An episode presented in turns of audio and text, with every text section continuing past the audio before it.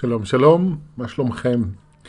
אנחנו אה, הולכים היום קצת אה, להעמיק בכל הנושא של אה, אוכל, כנקודת מבט אה, רגשית, רוחנית, ואני חושב שמכל הפרקים שהקלטתי עד היום בפודקאסט, ובכלל מכל הנושאים שאני אה, מדבר עליהם ומייעץ לגביהם, אה, זה הנושא שהוא הכי מורכב מבחינתי, ואני מרגיש... אה, הכי, פח, הכי פחות בטוח בעצמי ביחס למה שיש לי לומר.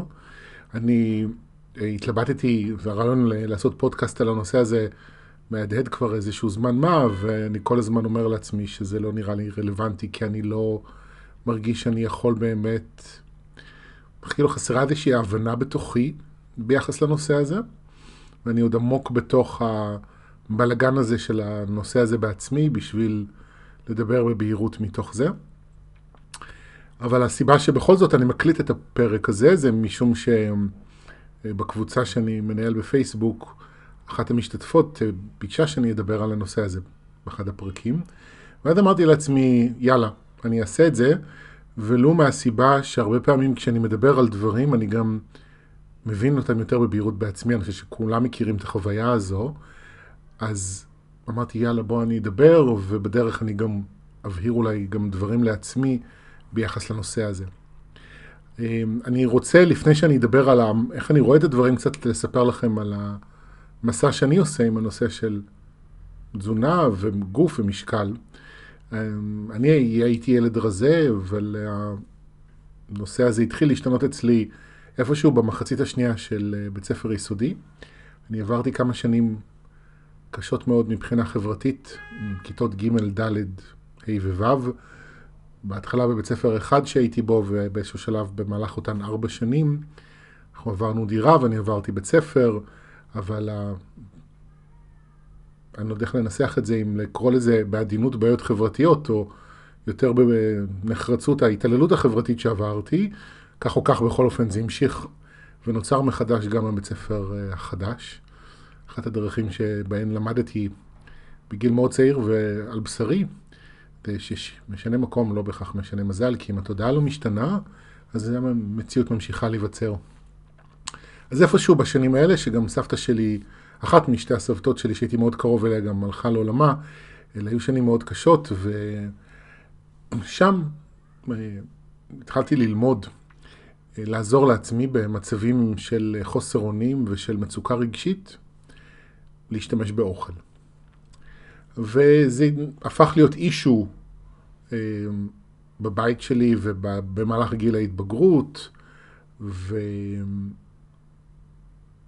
וכשהייתי, אני חושב, בתחילת שנות ה-20 שלי, זאת אומרת, יחסית בתחילת המסע הרוחני, אז החזקתי אז באיזושהי אה, תפיסה קצת טיפשית, אני חייב לא, להודות בדיעבד, שאני בכלל לא צריך להתעסק בנושא של מה אני אוכל, ו... דיאטות וזה, אני בא כמובן מדיאטות, עשיתי כמה דיאטות במהלך גיל ההתבגרות, ופשוט לעזוב את זה לגמרי ורק לטפל בעצמי, ויום אחד יהיה איזשהו קליק. וזה היה טיפשי כי באיזשהו שלב, לא, אני אגיד את זה אחרת, למה זה היה טיפשי? זה היה טיפשי בגלל שזה היה בעצם, במקום להגיד אני רוצה להזניח את הנושא הזה ולא להתעסק בו, עטפתי את זה באיזושהי פילוסופיה רוחנית אה, שנשמעה מאוד נכונה. ובפועל מה שקרה זה שאני הגעתי איפשהו במחצית שנות ה-20 לחיי למשקל של 150 אה, קילו. ואני אמנם אדם גבוה, אני מטר 93, אבל עדיין זה וואחד משקל. אמ, ואני לא זוכר בדיוק בין כמה הייתי, כשזה התחיל, אמ, אני חושב, אולי אני כן יודע בעצם, אמ, אני חושב ש... אני חושב רגע יחד איתכם, אני חושב שאיפשהו שהייתי בן 28, אולי 27, 28, עשיתי את השינוי המשמעותי הראשון בנושא הזה. אה, אני לא בדיוק זוכר מה היה הטריגר, אבל אני כן זוכר מה קרה. וזה שיום אחד התעורר אצלי צורך מאוד גדול בחסה. הוא היה כל כך גדול שבמשך איזה שלושה ימים זה כמעט כל מה שאכלתי. ואחר כך תפסתי כמובן אנטי מוחלט לירק הזה למשך איזה כמה שבועות טובים, אבל כן נשאר ער אצלי צורך בלאכול ירקות. והתחלתי להקשיב לזה ולתת מענה לצורך הזה, ו... ואני זוכר שאמרתי לעצמי, אוקיי, אם אני כבר בכיוון הזה, אז אני יכול להתחיל אה, אולי לעשות איזה קצת שינויים נוספים בהרגלי תזונה שלי, שהיו עד אז מאוד קלוקלים, אה, ובדרך אני גם קצת ארד במשקל. וככה התחיל איזשהו מסע שעשיתי אותו די בכוחות עצמי, אני זוכר שהלכתי פעם אחת לדיאטנית בקופת חולים ופעם אחת לנטורופטית, אה, וקיבלתי מכל אחת מהן איזושהי המלצה תזונתית וזה, אבל מאוד לא אהבתי את מה שקיבלתי. והחלטתי שאני רוצה לעשות את זה my way, והתחלתי לחקור בעצם אה, את מה שאני, את תחושת הרעב שלי. זאת אומרת, אם אה, עד אותה נקודת זמן, כשהייתי רעב, הייתי באופן אה, אה, אוטומטי אוכל דברים מאוד מסוימים, בנקודת זמן ההיא התחלתי לעצור ולשאול את עצמי כשאני רעב, מה אני באמת רעב.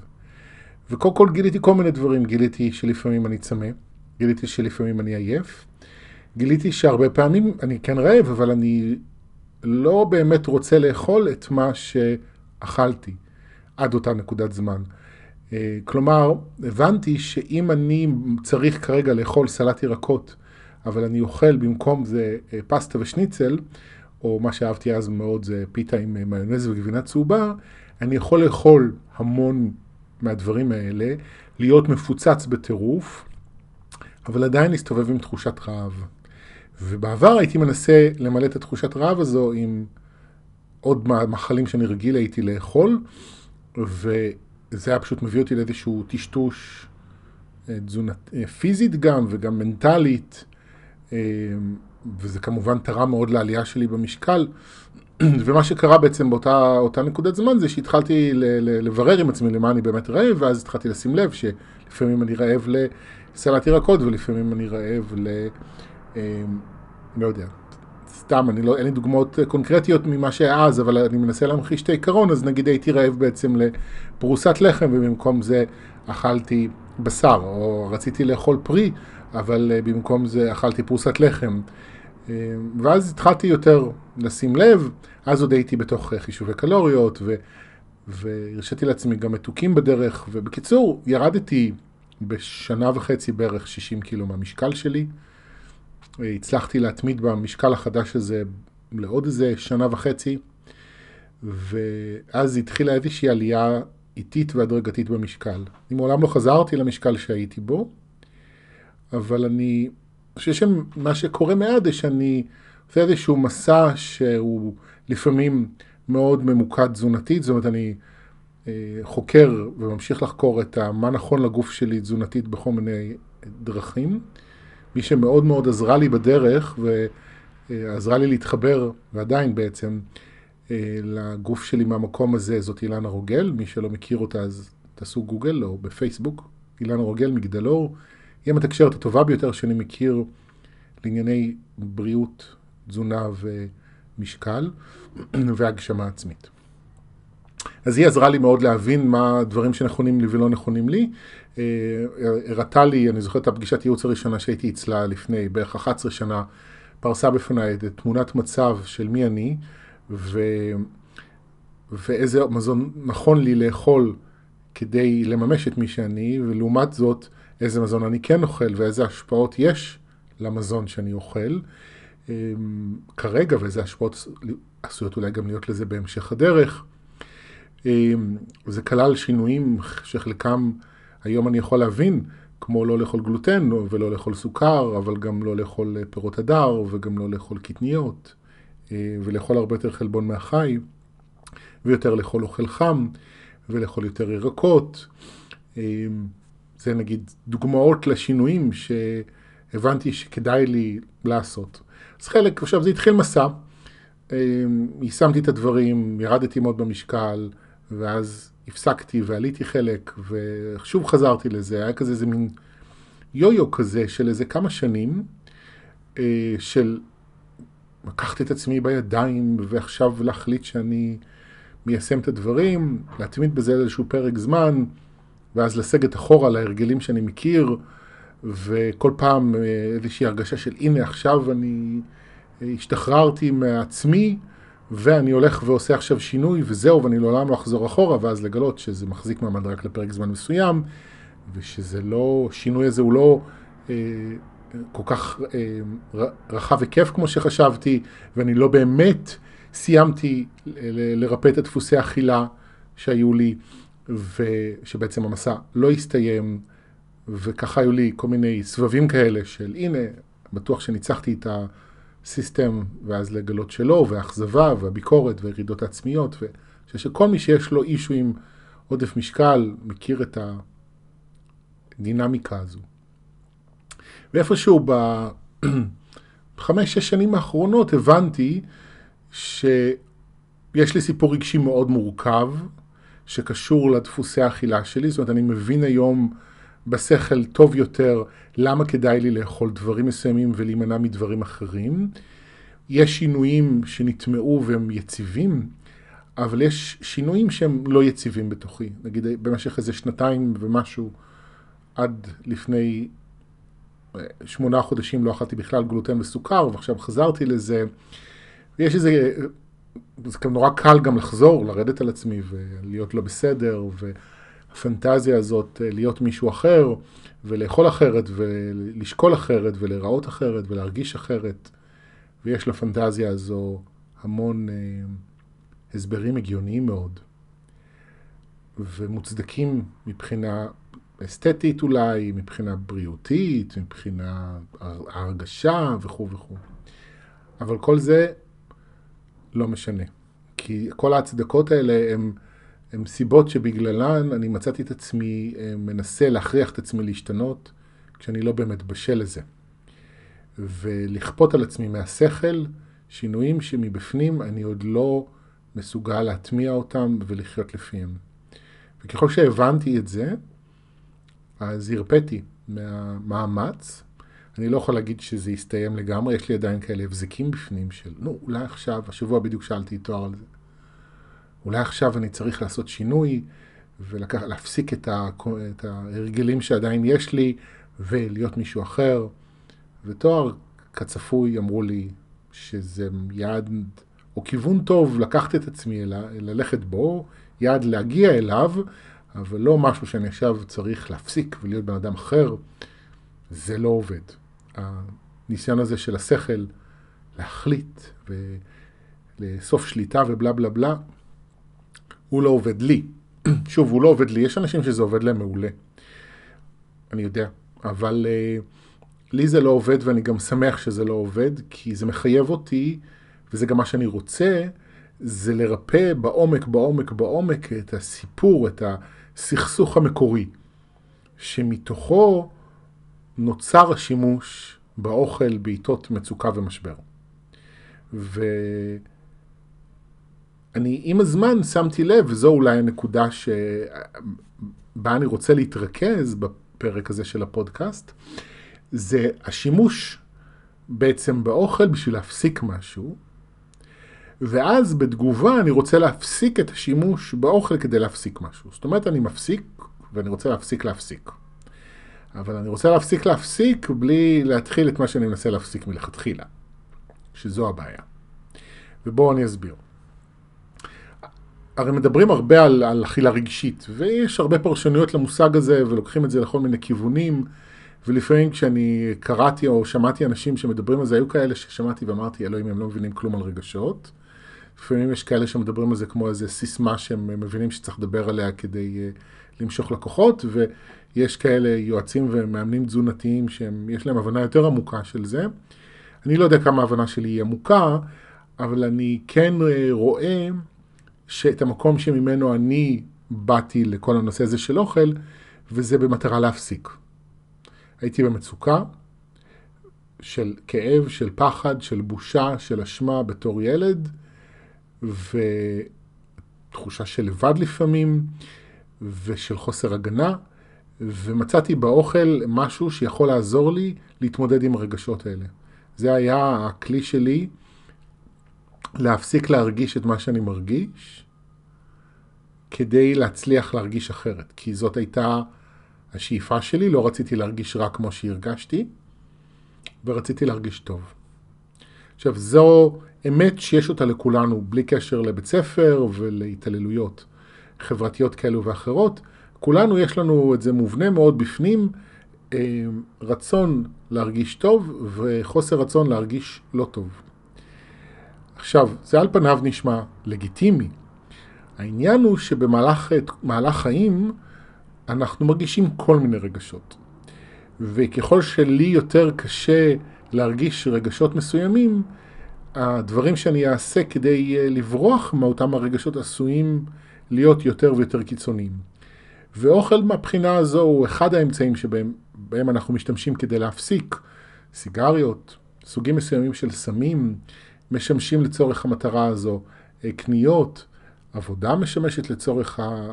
לצורך זה, בכלל עשייה יכולה לשמש לצורך זה, לפעמים אפילו מדיטציות וטיפולים ועבודה רוחנית גם הם לפעמים יכולים לשמש אותנו בשביל להפסיק את מה שאני מרגיש, את מה שעובר עליי. כלומר, זה נובע מאיזושהי פנטזיה להרגיש טוב, מאוזן, לא משנה איך קוראים לזה, ואז מה אני עושה בשביל להגיע לזה. כמובן שהבעיה שלפעמים בעולם הרוח אני שומע אנשים שיש להם איזה מין, אה, הם בנו איזה פילוסופיה רוחנית שמצדיקה את השליטה העצמית שהם רוצים ליישם על עצמם.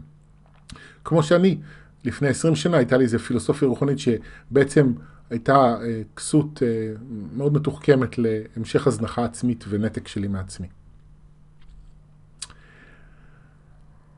ושוב, אני חוזר לנקודה הזו, אנחנו פה בעולם הזה, בכדור הארץ, באנו לחוות קשת של רגשות, וחלק מהשיעור של רבים מאיתנו, ואני אחד מהם, זה ללמוד להתיידד עם עצמנו, עם כל מיני רגשות ומצבים רגשיים שאנחנו נמצאים בהם.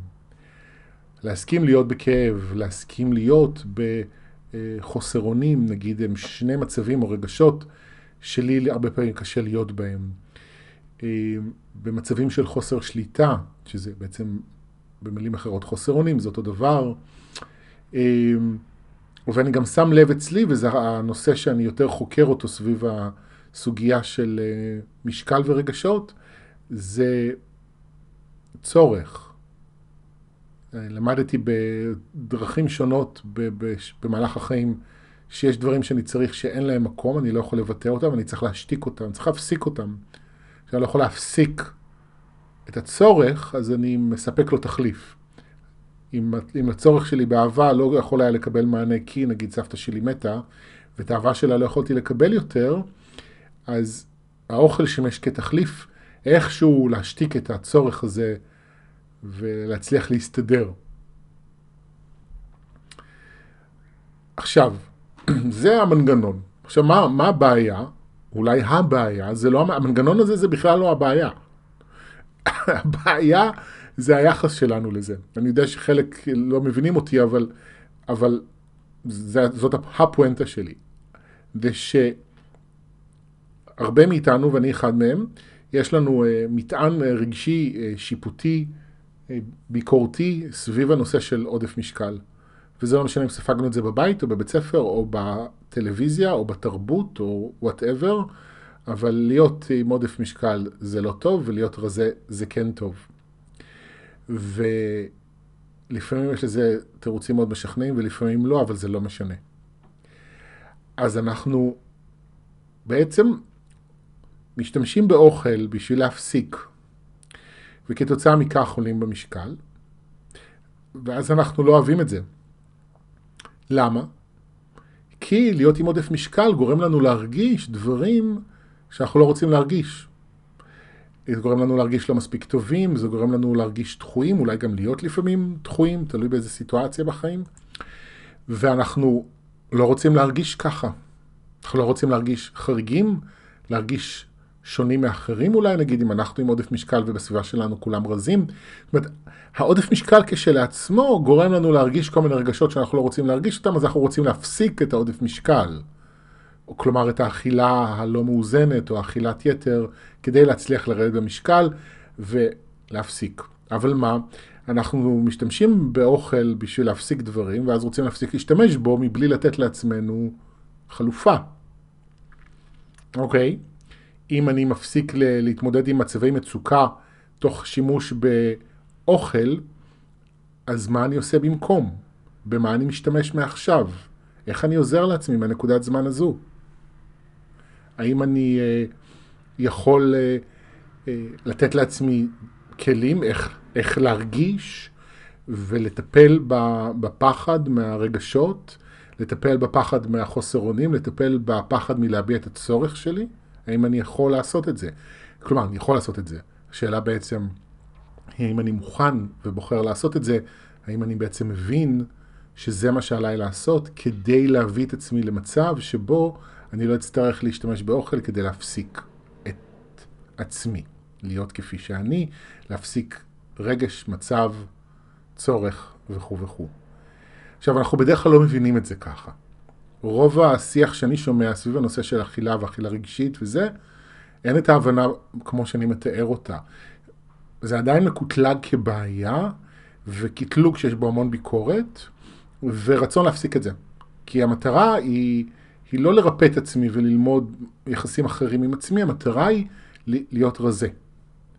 עכשיו, אין לי בעיה עם המטרה הזו, ולפעמים זה גם נכון ולפעמים זה גם חשוב, אבל אם אני רוצה להיות רזה, כי אני לא אוהב את מה שהעודף משקל, מה אני מרגיש כשאני בעודף משקל, אז אני בעצם לא משנה כלום. אז אני ממשיך את אותה דינמיקה, את אותה מערכת יחסים שלי עם עצמי. אני פשוט, בסופו של דבר, רוצה להמשיך לשנות את עצמי. וזה, כאילו, על פניו אפשרי, בסדר, יש אנשים שחיים ככה. רוב האנשים האלה הם יוצאים ונכנסים מדיאטות, כי זה לא עובד. ואני יודע, אני מדבר מניסיון, זה לא עובד לאורך זמן לרוב האנשים, אבל יש אנשים שמתאים להם לחיות ככה. אבל אני, הדרך שבה אני, מה שאני מלמד את עצמי, זה יותר ויותר להתיידד עם המקומות שאני רוצה להפסיק אותם. בגלל זה אני חושב שאחת הסיבות שאני מלמד בסדנאות שלי, נקראות חיבור מחדש, סדנאות ללימוד תקשור, ולפודקאסט הזה אני קורא מתחברים, אז נכון שכל השמות האלה באו משנת 2018, שתואר אה, דיברו על השנה הזו כעל שנה של חיבור מחדש. אבל גם זה בא כי לי יש הרגל להפסיק את עצמי, ואני בעצם מלמד את עצמי להתחבר אל עצמי. ומה שאני לומד זה גם מה שאני מלמד, ומה שאני מלמד זה גם מה שאני עליי ללמוד. אז אם אתם באמת רוצים אה, אה, להסתכל על כל הנושא הזה אחרת, או ככה ליישם את זה קצת ביום-יום, מעבר ל... אני הולך לתת לכם ייעוץ תזונתי, וזה אני ממש לא בכיוון אפילו. אבל אני כן מציע לכם לשאול את עצמכם, כשאתם אה, עוד ניגשים לאכול, האם אני רוצה כרגע לאכול כדי להפסיק משהו, או כדי להעצים משהו? האם אני אוכל כרגע כי אני רוצה להפסיק את העייפות שלי, את החולשה שלי, את העצב שלי, את השעמום שלי, את הכאב שלי, את הפחד, את החרדה, את ההיסטריה, את הכעס? או האם אני רוצה לחזק את עצמי, לחזק את הנחישות שלי, לחזק את הרכות שלי, לחזק את הביטחון שלי להיות מי שאני? מה, מה נקודת המוצא שלי כשאני ניגש למקרר? עכשיו, אם אני רוצה לחזק את עצמי, אז מה האוכל שיחזק אותי? וזו שאלה שאני לא יכול להפנות לשכל. בשכל אין תשובה טובה לשאלה הזו. אני צריך להפנות את השאלה הזו פנימה, אל תוך הגוף שלי. עכשיו, מה האתגר? האתגר זה שאנחנו לא מחוברים לגוף שלנו, כי בגוף שלנו יש רגשות שאנחנו לא רוצים להרגיש. אז אנחנו מתנתקים, בלי להבין את זה, אנחנו לומדים להתנתק מהגוף כדי לא להרגיש את הרגשות שיש בו. ואם אני רוצה להתחבר לגוף מחדש כדי לזהות איזה אוכל תומך בי ומחזק אותי, אני צריך בעצם גם בדרך להתחבר לכל מיני רגשות שיש בגוף שלי, שמאופסנים בו, שאני לא רוצה להרגיש. ושוב, זה גם, כמו שאמרתי מקודם, אם אני מפסיק להשתמש באוכל כדי להפסיק, אז הדברים שאני רגיל להפסיק בעזרת אוכל יתחילו לצוף. זה יכול להיות קשה, ותהליכים כאלה אני תמיד ממליץ לעשות עם ליווי. צריך עזרה אה, ללמוד, להיות בתוך מצבים שאנחנו רגילים להפסיק אותם. זה יכול להיות מאוד קשה רגשית, לעשות את זה אפילו עד בלתי אפשרי. וגם זה יכול להיות קשה לזהות מתי אני רוצה להפסיק, מתי אני רוצה אה, לחזק את עצמי, וגם איזה אוכל טוב לי. אילן רוגל יכול, יכולה להיות יועצת מצוינת, לתת לכם איזושהי מפת דרכים, אבל בשביל לעשות את הדרך צריך עזרה. אז זה אני מאוד ממליץ, לא לנסות לעשות את הכל לבד. אה, אנחנו פה בשביל ללמוד שיתוף פעולה, והתחום הזה הוא ללא ספק אחד התחומים שבהם כדאי לנו ללמוד שיתוף פעולה גם עם עצמי, עם הרגשות שלי, עם הגוף שלי, וגם דרך זה שאני מקבל עזרה. אבל בכל מקרה גם, אני רוצה גם כמובן להזכיר, לקבל עזרה לא פותר אותי מאחריות. אני צריך לעשות את הדרך. אני צריך אה, לחזור ולשאול שאלות. עכשיו, יש עוד איזושהי נקודה שחשוב אה, לי להגיד. אני בשנים האחרונות מזהה שאין לי בפנים אה, רצון ממשי לרדת במשקל. כן, זה חשוב, כן, זה נכון שזה יקרה. כמו שאילנה רוגל אמרה לי בפעם האחרונה שהייתי אצלה לפני כמה שנים, אין לי חוזה עם הגוף שלי להיות במשקל הזה. זאת אומרת, מבחינת האידיאל, אני אמור להיות יותר רזה. אבל אני מרגיש שאני לא, אין לי תשוקה בפנים כרגע. ואנחנו הרבה פעמים ניגשים לנושא הזה מחוסר סבלנות, מחוסר קבלה עצמית, משנאה עצמית. רוצים כבר להיות אחרת. ולפעמים בדרך הזו מגלים שוואלה, אני לא באמת רוצה. עכשיו, זה יכול לתסכל, אבל זה גם מאוד משחרר לחופשי. כי אני מבין שאם אני רגיל לבוא אל עצמי מהשכל ולהגיד לעצמי, יאללה, שחר, קדימה, בוא נעשה שינוי, למה זה לא מצליח? כי אני לא באמת בשל, אני לא באמת רוצה, זה לא בדיוק הזמן, אולי אין לי כלים איך להתמודד עם הדברים, זה לא משנה כרגע מה הסיבה. אבל לפעמים זה עוד לא הזמן, למרות שבראש אני נורא רוצה.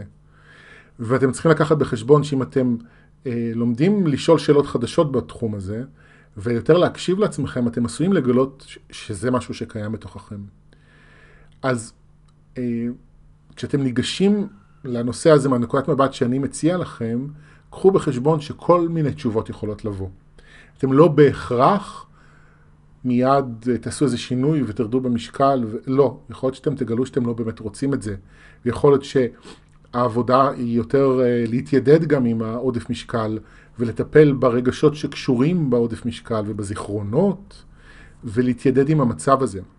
אני יכול להגיד לכם שהדיאטה הגדולה שעשיתי בסוף שנות ה-20 שלי, התחילה שהבנתי יום אחד שאני מאוד שונא את איך שאני נראה, ושזה מקום לא נכון לבוא ממנו לשינוי כזה.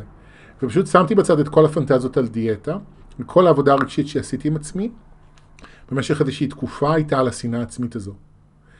ופשוט טיפלתי בשנאה הזו, ובאיזשהו שלב משהו התרפא, זה לא לגמרי, אבל באיזשהו רובד מסוים נוצר ריפוי, וזה פתח הקשבה חדשה לגוף, ואז החסה והירקות, ואז השינוי הזה התחיל.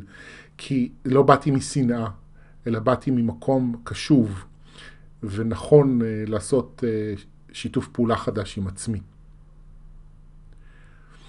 אז uh, המקום שאני בא ממנו, זה בעצם מחייב אותנו גם לאבד שליטה, ללמוד מחדש מי אנחנו, להתיידד מחדש עם מי שאנחנו, ומתוך זה אה, ליצור מערכת יחסים אחרת.